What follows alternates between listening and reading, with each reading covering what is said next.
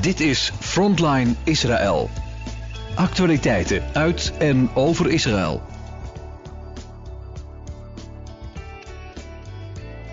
Goedendag luisteraars, nieuwe aflevering van Frontline Israël. Vandaag heb ik eh, de deputy uh, ambassador van de Israëlische ambassade aan de lijn.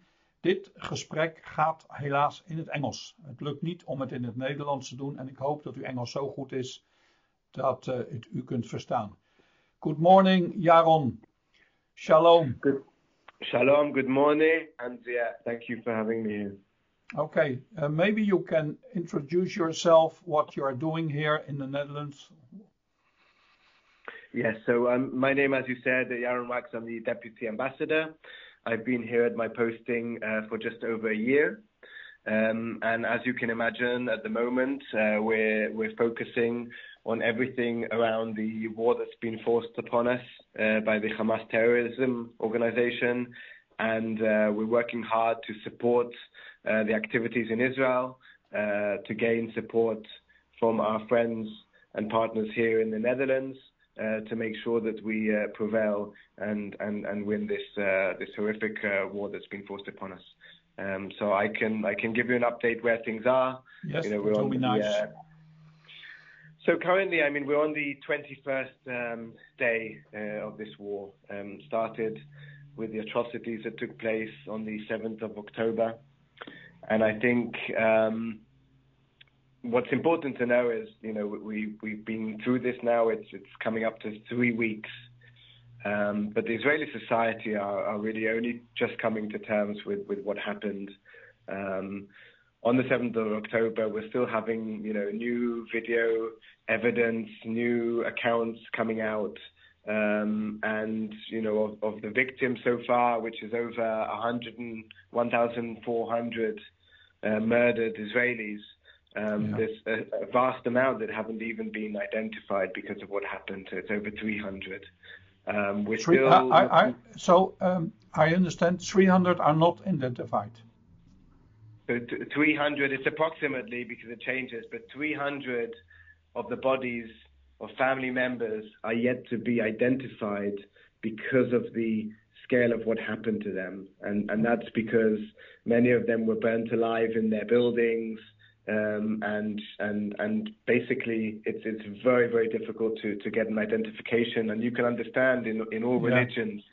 how important it is and what it means in Judaism the importance to be buried uh, as soon as possible. On a normal case, uh, you can be buried on the same day. Um, and now we're talking about three weeks after, and families still aren't aren't able to put their loved ones uh, to, to, rest.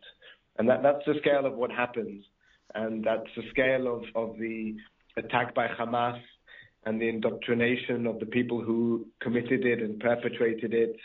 You know, we, we found a note on one of the on one of the terrorists a few days ago, a note written in Arabic with instructions. And this is a quote of what was written in the note he held when he came to, to murder the, the Israeli citizens. It was written, Know that this enemy of yours is a disease that has no cure other than beheading and extracting the hearts and livers. Wow. This, this type of thing, it shows you the, the level of, of what happened.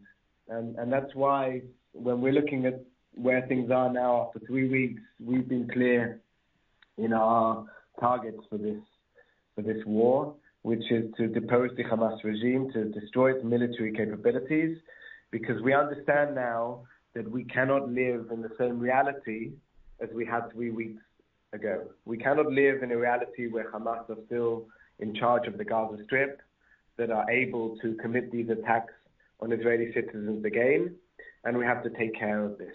Yeah. And anyone who wants to see a future in the region, um, they need to understand that it's in everyone's interest that Hamas aren't there. This isn't just an issue for Israel, it's for the whole global community.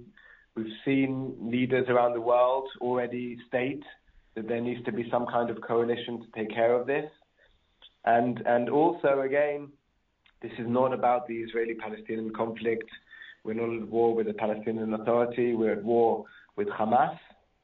Um, and while Hamas are there and their objective for years has only been the destruction of the state of Israel and to murder Jews all over the world. That cannot go side to side no. with any possibility of peace in the region. Yeah. And and uh, Yaron, when you um, when this started the war, and um, you met also parliament members here in the Netherlands. In the beginning, they all supported Israel. Is already a change you note you see in the parliament with people? So we see, I mean, it, it's also in parliament, but, but also, of course, um, even more so in, in the media and in public opinion here in the Netherlands and in other places.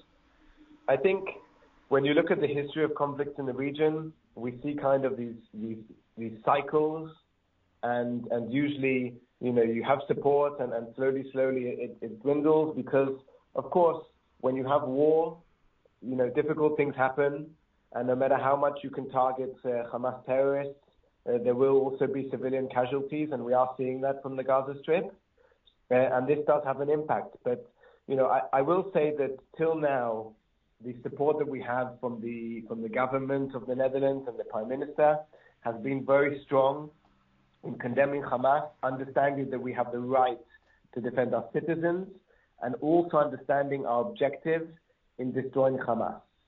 It doesn't say that people don't have concerns in terms of the humanitarian situation in Gaza and in terms of civilian casualties, and we also share those concerns.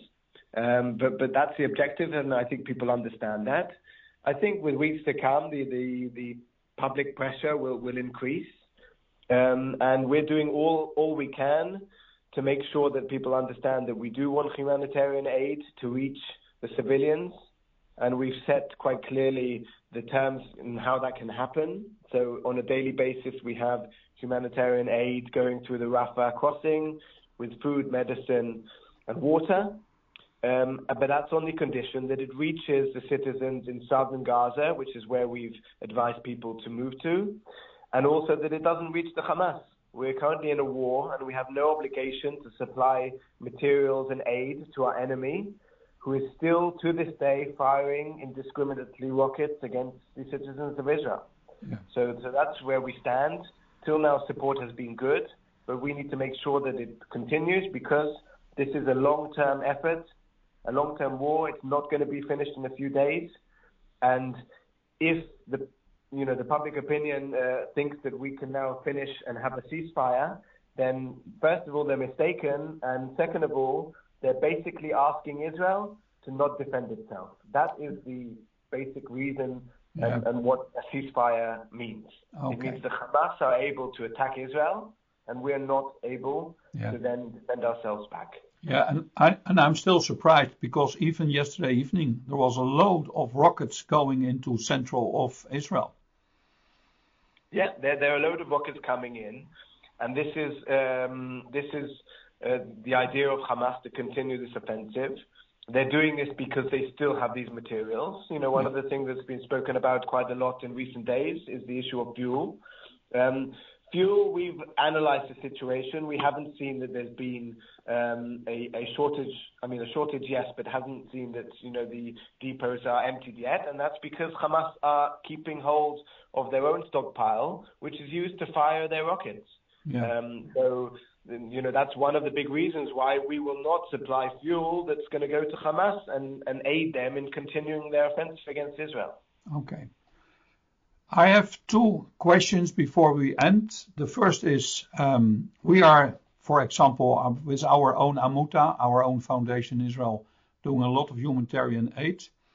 What do you know about the need from the people in Israel? And the other question is that what I see, there is a lot of requests from mattresses, for example, for the soldiers on the borders, both borders, on the north, on the south.